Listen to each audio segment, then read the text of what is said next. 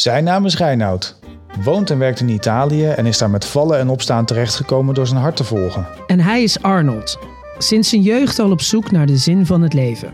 Hij heeft onderweg wat schrammetjes opgelopen, maar zijn drive op zoek naar het antwoord maakt dat hij altijd doorgaat. Wat doe je vanuit het hart? Waar ga je van aan? En wat inspireert en duwt je om morgen nog meer vanuit het hart te kunnen leven? En naar die verhalen en ervaringen gaan wij op zoek in deze podcast. Door onze eigen verhalen te delen en met anderen in gesprek te gaan. Gesprekken over leven, passies, het overwinnen van angsten en het najagen van die grote hartenwens. Voor iedereen die zo graag vanuit het hart wil leven. Waarom zijn er toch al die stemmetjes? Ken je dat moment dat je iets totaal buiten je comfortzone aan het doen bent en je in je hoofd al duizend en één scenario's hebt uitgedacht over wat er allemaal goed of fout kan gaan?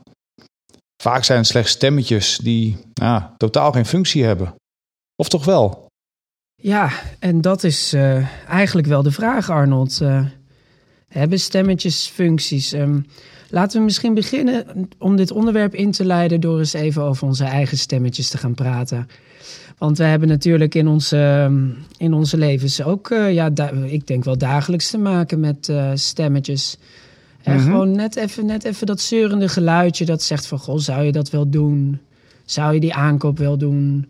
Um, gaat het wel lukken? Oeh, dat is een grote opdracht. Kun je dat wel aan? Oh, gaat het wel lukken? Dat is al gelijk eentje dat ik denk, ja. Ja, want, want wanneer, ja, kun je, kun je, kun je uh, vertellen, wat, wat, wat is jouw, wat is in welk in welke situatie heb jij je sterkste stem? Dan vertel ik daarna van in welke situatie ik mijn sterkste stem heb. Nou, ja, nou eentje die me wel echt uh, uh, gelijk zeg maar uh, voor de geest komt is dat, nou ja, weet je, ik werk heel erg op gevoel. En als, als mijn gevoel een rol speelt in de fotografie, dan denk ik dat ik het beste werk maak. Tegelijkertijd is het gevoel ook altijd aanwezig. Nou ja, Weet je, het begint al als ik onderweg ben naar een, naar een opdracht. Dan uh, is er altijd een soort van onzekerheid. Uh, altijd, nou ja, echt zo, letterlijk zo'n stemmetje in mijn achterhoofd dat zegt... Nou ja, Arnold, ik hoop maar dat je er iets van kan maken. Want je weet niet wat je aantreft. Je weet niet uh, hoe de persoon is. Uh, ja, je weet niet hoe je zelf reageert. Nou, voor hetzelfde geld gaat het allemaal tegenzitten. En voor hetzelfde geld komt er gewoon waardeloos werk uit. En ehm, ik heb wel gemerkt dat, dat dat stemmetje er altijd wel is... En ik heb inmiddels ook wel de ervaring dat als ik ergens bezig ben, er komt altijd iets goeds uit. Het, komt, het wordt altijd mooi. En de ene keer natuurlijk mooier dan de andere keer. Maar ik weet altijd wel een weg in te vinden. Maar toch blijft dat stemmetje altijd zeggen van... Nou Arnold, ik weet niet of het wel gaat lukken. Ja, ja dat, uh, die, die, die herken ik. Want het gaat heel vaak over van... Weet je, uh, ook in mijn vak leef ik heel erg op je bent zo goed als je laatste optreden is. Uh, iedere keer als je weer opnieuw begint, heb ik het gevoel dat ik. Um, ja, dat, je, dat eigenlijk weer een witte pagina is. En het verhaal, je moet dat verhaal dus weer opnieuw gaan schrijven. Ja, het is wel grappig, want dat, dat is ook wel een beetje wat ik heb. Ik, ben, ik, ik voel me altijd zo goed als mijn laatste foto. Ja, ja inderdaad. En uh, om in te haken op jouw stemmetje. Kijk, wat je moet weten is voordat ik aan iets begin, of het nou een nieuwe trainingsgroep is, of een concert, of een, uh, weet ik veel wat, een gastoptreden. Of... Vijf minuten voordat ik op moet, ben ik echt niet te houden van de zenuwen. Dan sta ik echt van, oh my god, waarom doe ik dit? En waarom ben ik hier een partij aan het doodgaan?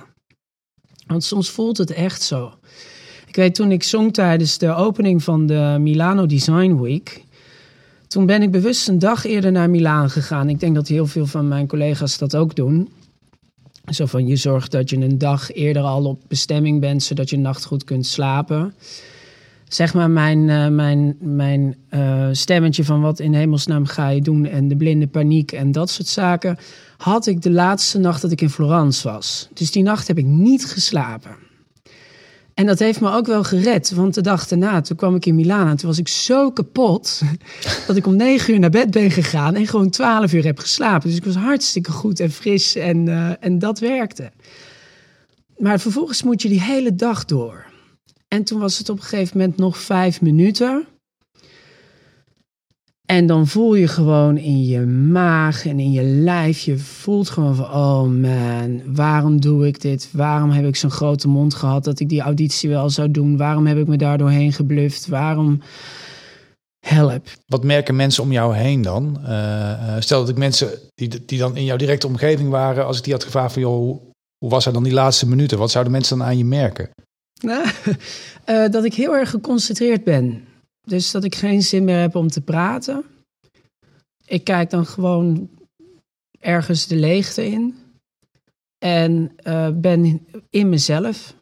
Dus dan ben ik even niet meer leuk, sociaal, gezellig. Nee. Dan is het echt van: oké, waar is dit? Waar staat mijn water? Uh, wie neemt mijn, mijn jasje over, mijn, mijn overjas, want het was toen fris. Um, waar is diegene? Weet je, gewoon echt, dan ben ik alleen maar directief en geconcentreerd. En dan wil ik ook niemand meer hebben die zegt van... oh ja, nee, maar eh, sorry, ik ben te laat. Nee, dat, dat kan ik dan niet handelen. Je bent eigenlijk heel doelgericht dan? Uiteraard. Ja, je moet je voorstellen, voor mij is het gevoel altijd van... oké, ik loop een uh, ik loop een arena in en ik moet het gaan waarmaken. Weet je, al, al die, die elementen hebben mij tot hier gebracht... en nu moet ik het gaan waarmaken ik zal, in mijn trainingen begin ik bijvoorbeeld ook altijd met het Nessun Dorma van Luciano Pavarotti. Vijf minuten vooraf. Waarom? Omdat het mij een gevoel geeft van kracht, van input, van oké, you can do this. En dan op het moment dat ik dat podium opstap, dan valt het allemaal van me af en gaat het allemaal weg.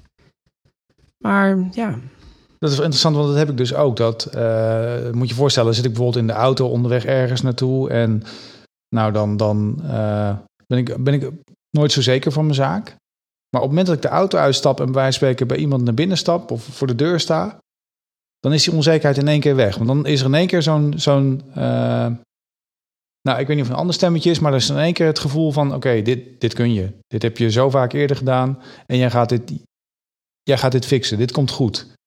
Ja, het is een beetje alsof je de situatie, dus ook je onderbewustzijn herkent de situatie weer.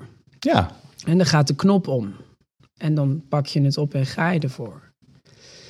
Maar, weet je, en dat noemen ze dan ervaring. Maar er zijn natuurlijk zat dingen in het leven waar je misschien geen controle over hebt. Ik denk dat dat ook het, het gevoel van het stemmetje is dat dat stemmetje, dat enerzijds, dat probeert je te beschermen van ja, maar wacht even. Dit heb je al een keer gedaan, toen is het niet goed gegaan. Waarom zou je het nu nog wel een keer doen? Of oeh, dat is zo onbekend. Weet je wel zeker dat je in die stap, dat je die stap gaat zetten? Eigenlijk is dat wat dat stemmetje doet. Maar dan is dat stemmetje wel behoorlijk conservatief, zou je zeggen. Ik bedoel, ik, ik herken het wel hoor, maar stel dat het inderdaad één keer fout gegaan is en dat stemmetje komt elke keer terug en zegt tegen je van nou, ik weet niet of je dat wel moet doen. Het is toch niet de meest positieve inslag? Nee, nee, het is inderdaad, zoals je heel mooi zegt, een vrij conservatieve stem. Um, en ik zie mijn stemmetje ook heel erg als een soort van bodyguard. Zo van mijn stemmetje zal er altijd alles aan doen om me te beschermen. Alleen is dat stemmetje soms zo sterk dat de bescherming is qua bijna een, een over protectie en zorgt ervoor dat ik stagneer. Ja, dus dat ik beweeg niet meer. Ja, ja dat, dat, dat, is wat ik ook denk. Want dat kan je ook weerhouden van, van prachtige ervaringen of, of bijzondere dingen. Want als ik uh, op sommige momenten naar dat stemmetje had geluisterd... nou, dan waren sommige, denk ik achteraf bezien, mooie foto's nooit gemaakt. Exact. Exact. En eigenlijk is dat wat continu de, de strijd is met um, die we hebben met onszelf. De, de, de, continue battle met onszelf is eigenlijk van oké, in hoeverre is dit stemmetje op dit moment gerechtvaardigd? Of mag ik die stap gaan zetten? Weet je, toen ik voor de tweede keer naar Italië ging, dus eigenlijk terugging naar Italië nadat het in 2014 fout was gegaan had ik in 2017 echt wel een stem in mijn achterhoofd die zei van ja, maar het is al een keer fout gegaan. wie zegt het dat je nu wel gaat lukken? Waarom zou je het wel of niet doen? En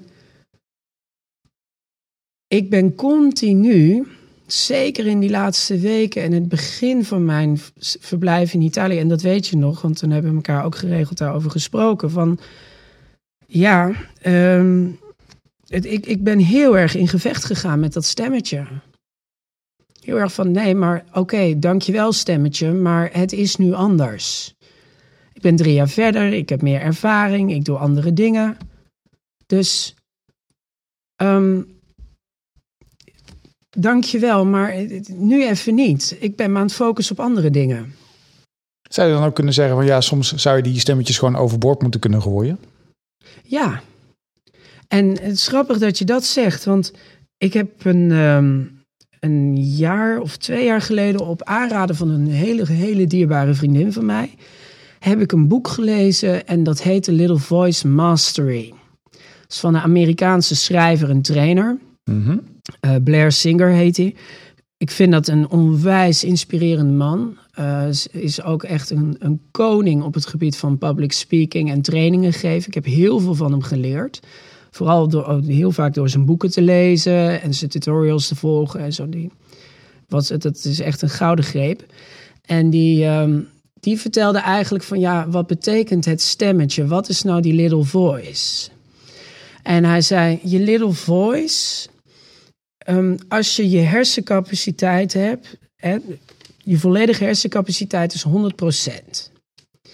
En wat zijn theorie is, dat we 2% van die hele capaciteit, die gebruiken wij bewust, actief.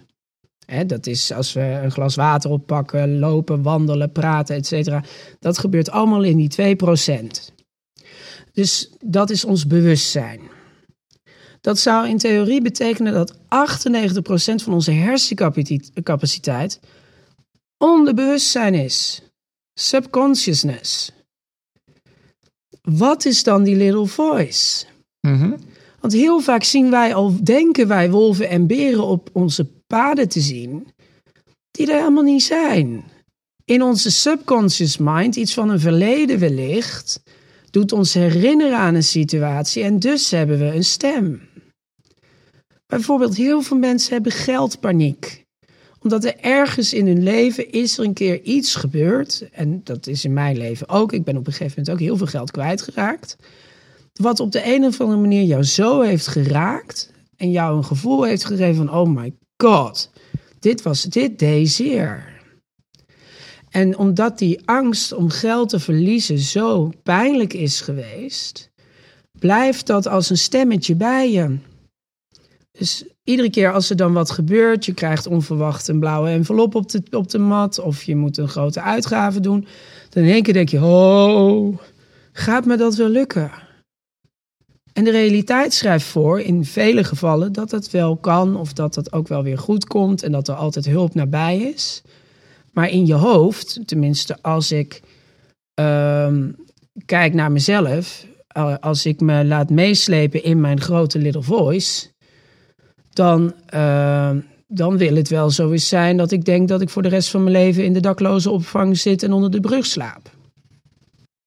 Doe ik me ineens eh, denken aan een boek wat ik, wat ik een, al, al jaren geleden gelezen heb in het kader van de therapie die ik toen had. Ehm, het boek Patronen doorbreken van, uit mijn hoofd, Hanny van Genderen. Maar ik zal hem wel even in de show notes zetten. En ehm, het interessante was dat uh, we keken toen naar bijvoorbeeld bepaalde gebeurtenissen in mijn leven. En ehm, nou, aan gebeurtenissen heb je natuurlijk een bepaalde herinnering. Alleen waar het fout kan gaan, is dat je daar een bepaald gevoel aan gaat koppelen. En uh, als dat natuurlijk een negatief gevoel is, ga je op een bepaalde manier handelen. Dat is natuurlijk op elke andere manier ook zo. Maar het punt is dat uh, het gevoel wat je erbij hebt, de, de gedachten die je erover hebt en het gevoel wat je daarbij hebt, dat beïnvloedt heel erg hoe dat stemmetje tegen jou spreekt. En uh, een deel van die therapie was er bijvoorbeeld ook op gericht om te kijken, kijk je wel realistisch tegen die gebeurtenis aan? Kijk je wel realistisch aan tegen wat er toen gebeurd is, uh, koppel je daar wel het juiste gevoel aan? Of was het heel anders? En een belangrijk onderdeel was bijvoorbeeld om dat gevoel even los te koppelen en gewoon heel sec te kijken van wat is nou eigenlijk gebeurd? En dat is denk ik ook als je uh, vandaag de dag zo'n stemmetje in je hoofd hebt die bijvoorbeeld zegt nou dit kun jij niet of uh, daar komt weer een blauwe envelop. Nou jongens, het gaat helemaal mis. dat je dat gevoel er eens probeert af te halen. Even op terzijde legt. En gewoon eens kijkt naar, naar gewoon de, de hele heel secte gebeurtenis van... oké, is het nou echt zo erg? Wat, wat, wat kan er nou daadwerkelijk misgaan? Exact. En in, dat is ook in lijn met wat Blair zegt. Van, ja, weet je, wat doe je als je een little voice hebt? En hij zegt dan altijd van, of je staat hem toe, of je um, you distract. Dus je zondert je ervan af. Uh, als ik mijn voice toelaat, dan ga ik die voice helemaal groot maken. Tot het moment dat het zo ridiculous klinkt, zo belachelijk is, dat ik er zelf van in de lach schiet. Van ja, oké, Bosman, maar zover gaat het echt niet komen in jouw leven. Kom op, zeg. Je hebt het uh, altijd hartstikke goed gedaan. En ja, dit is maar een momentopname. En jeetje, als de hele wereld om zou vallen van dit bedrag. Nou, jongen, jongen, jongen, wat een leven hebben we dan. Het wordt bijna zwelgen in zelfmedelijden dan. Ja, en soms vinden we dat ook heerlijk. En soms is dat ook gewoon even nodig. Zo van, ga er maar gewoon, ja, duik er maar in. Oh, het is allemaal zo erg. Oh, het doet allemaal zo zeer. Doe maar. En aan de andere kant kun je ook zeggen van, oké, ik zonder me ervan af. Dus in plaats van te kijken naar wat is er niet, ga ik focussen op wat is er wel. Ja. Dus hij geeft bijvoorbeeld altijd de exercise af van, hoe groot ben je? En dan moet je echt met je lichaam, je moet je helemaal uitrekken en iedere keer tegen jezelf zeggen: Ik ben zo groot, ik word, ben nog groter. En tot je echt op het punt komt dat je zegt: Ik ben zo groot als zeven universum, uh, universa bij elkaar. Weet je, mijn potentieel, wie ik ben, is uiteindelijk altijd groter dan hoe whatsoever er gebeurt. Um, in dat kleine stukje. Want het is maar een momentopname van wat jouw hele potentieel is. Ja. En uiteindelijk leidt dat er dan weer toe dat dat moment van misschien die blauwe envelop of misschien die pijn die je dan even voelt, die is er alleen maar om jou nog sterker te gaan maken in jouw potentieel. Dus je kunt je er helemaal door uit het veld laten slaan en, het, en je leven stopt ja, dan lijkt het alsof het altijd allemaal tegen je gebruikt wordt. Dat het alleen maar pijn doet en uh, you against the world.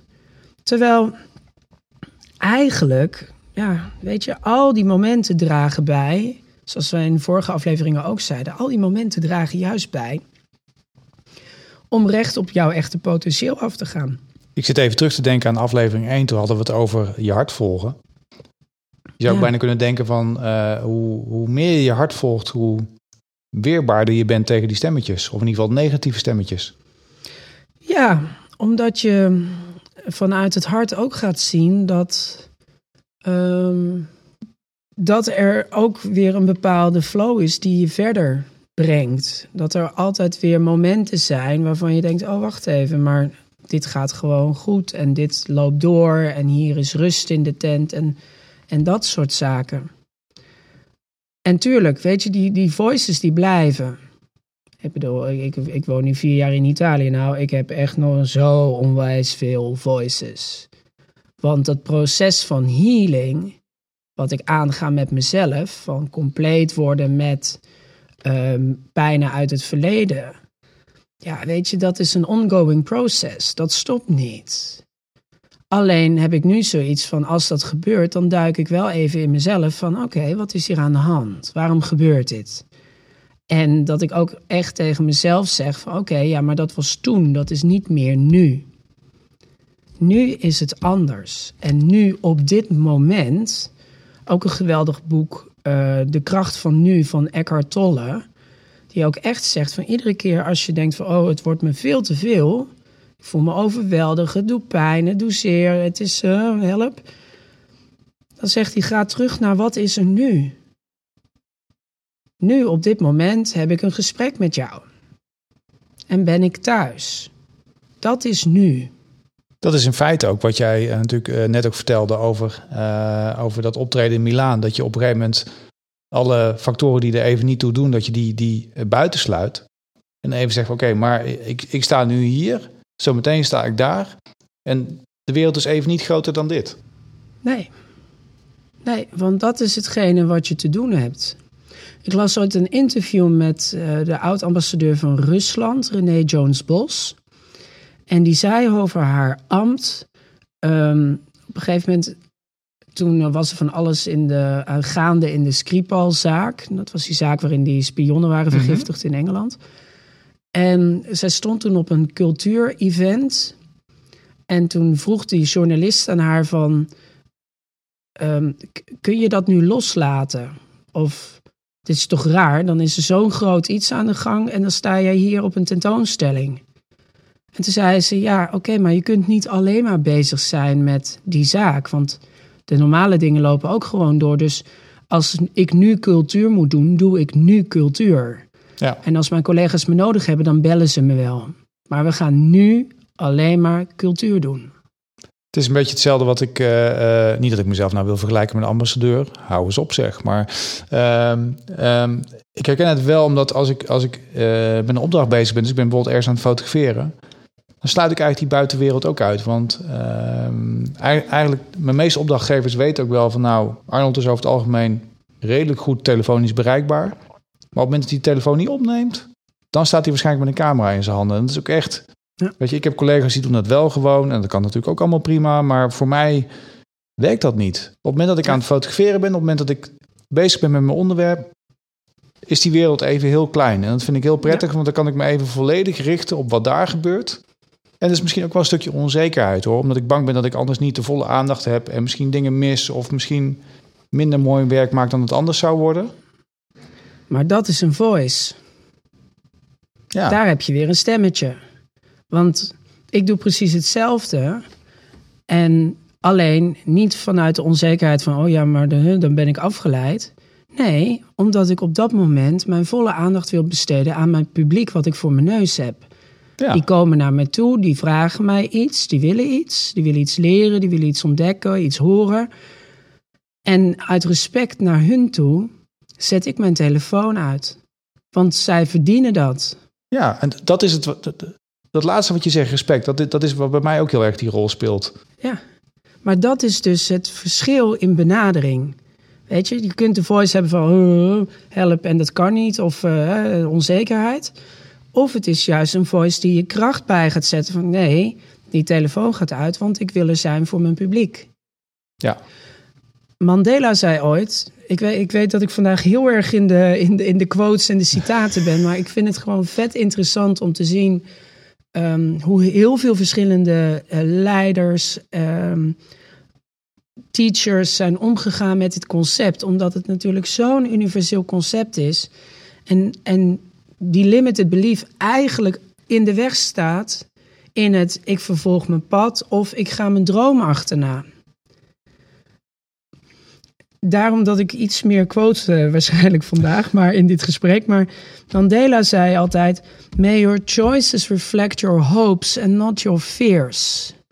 Als je een actie zet, is dat een actie met de hoop dat dingen beter worden en dat je meer ademruimte krijgt en dat je een gelukkiger leven hebt? Of maak je de keuze vanuit schaarste, vanuit de angst dat je het anders niet meer hebt? Dat is wel, dat, dat is wel eh, leef je uit angst of leef je uit, eh, uit hoop of uit, uit kansen, uit, uit, uit het geloof dat je meer kunt bereiken dan je misschien zelf denkt dat je kunt bereiken. Exact. En daar komt het verhaal van potentieel dan weer in terug. Op het moment dat jij die voices aan de kant gaat zetten en alleen echt voelt in je being van dit moeten we nu gaan doen. Dit hoort bij mij, hier wil ik me voor inzetten, hier ga ik van aan, hier word ik gelukkig van. Dan ga je zien wat je, je volgende stappen gaan zijn en dan kom je in de flow. Ja, Op het moment dat jij vanuit angst gaat redeneren van oh ja, maar ik doe dit niet, want dat gaat me geld kosten. Ja, iemand anders zou zeggen ik doe het wel, want ik investeer in mijn toekomst. Of ik doe het wel, want hier blijven zitten, daar, daar voel ik niks voor. Of ja, weet je, we gaan het gewoon een kans geven. Ja, in een worst case gaat het fout. Nou, dan kunnen we altijd weer doen wat we altijd gedaan hebben.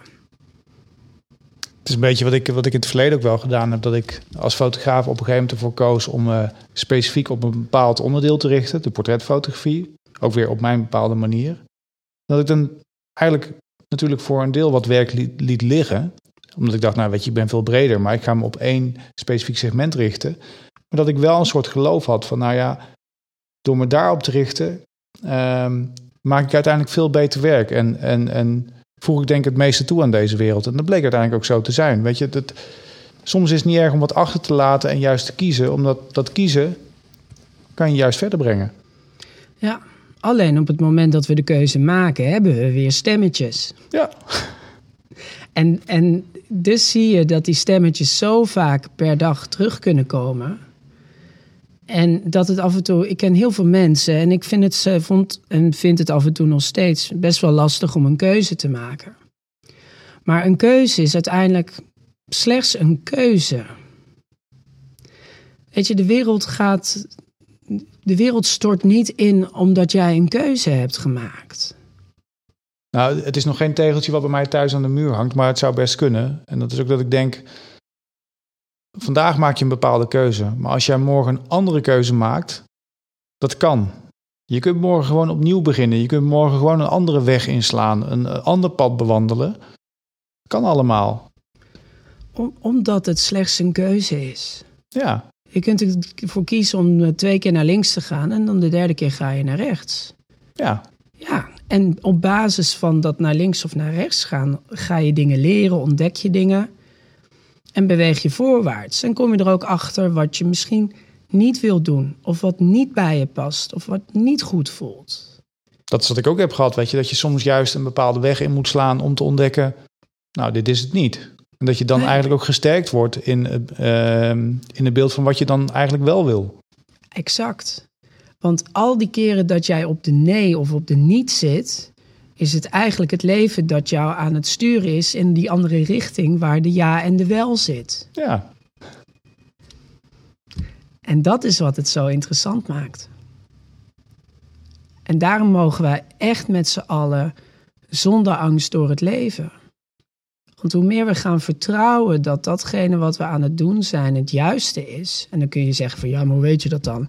Dat voel je.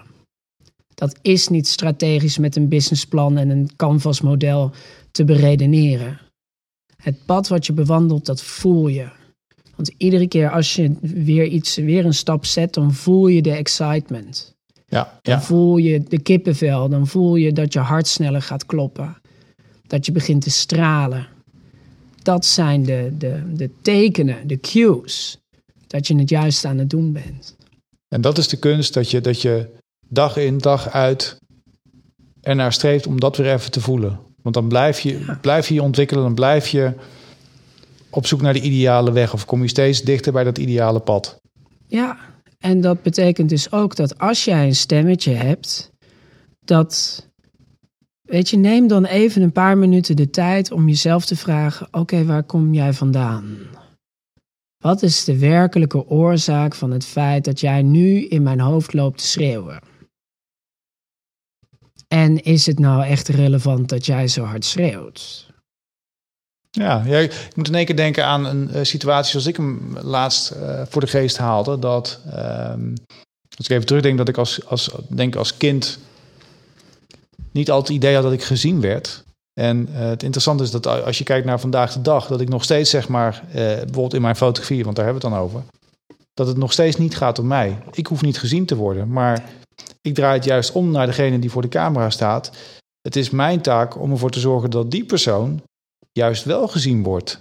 En ja. dat dat, ja, om het nog, nog semantischer te maken, dat ik het gevoel krijg gezien te worden op het moment dat die andere persoon gezien wordt. Exact. Ja, ja gaaf. Dat is, dat is nou die, ook die validatie.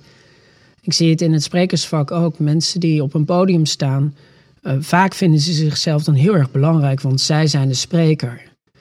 Eigenlijk ben je alleen maar de boodschapper voor het publiek. Het gaat niet om jou, het gaat om hun. Want ja. met het publiek wil je iets. Dat publiek wil, wil, je, wil je betrekken bij een verhaal, dat publiek wil je inspireren.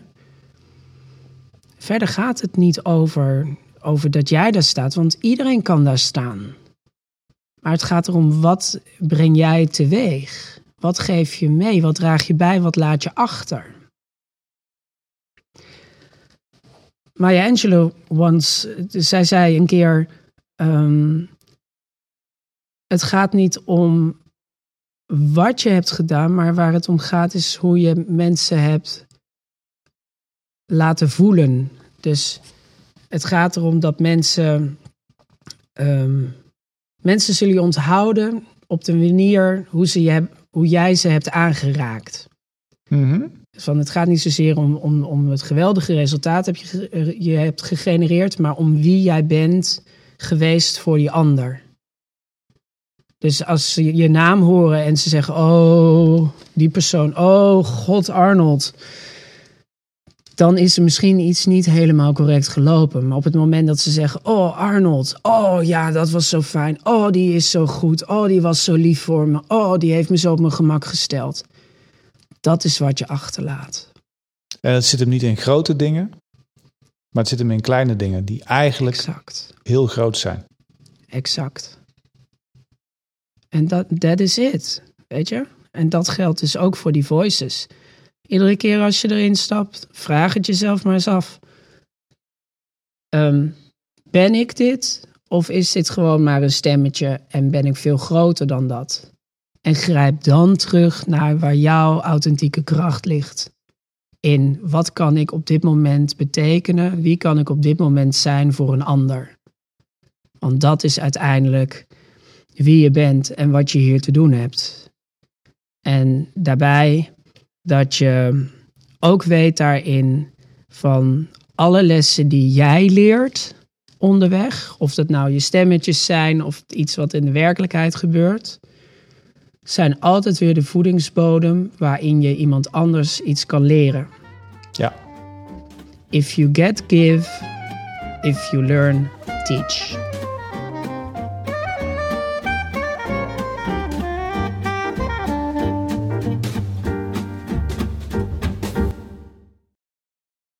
Hadden we misschien niet nog even moeten zeggen van nou, uh, dankjewel voor dit gesprek zoals we iedere keer doen. Want anders, anders is het wel heel een, een, mooi melodramatisch einde hoor. ja hoe moet ik het zeggen? Ehm, hij zit voor mij een beetje in de categorie eh, eh, welkom op mijn website en eh, eh, We gaan hem stoppen.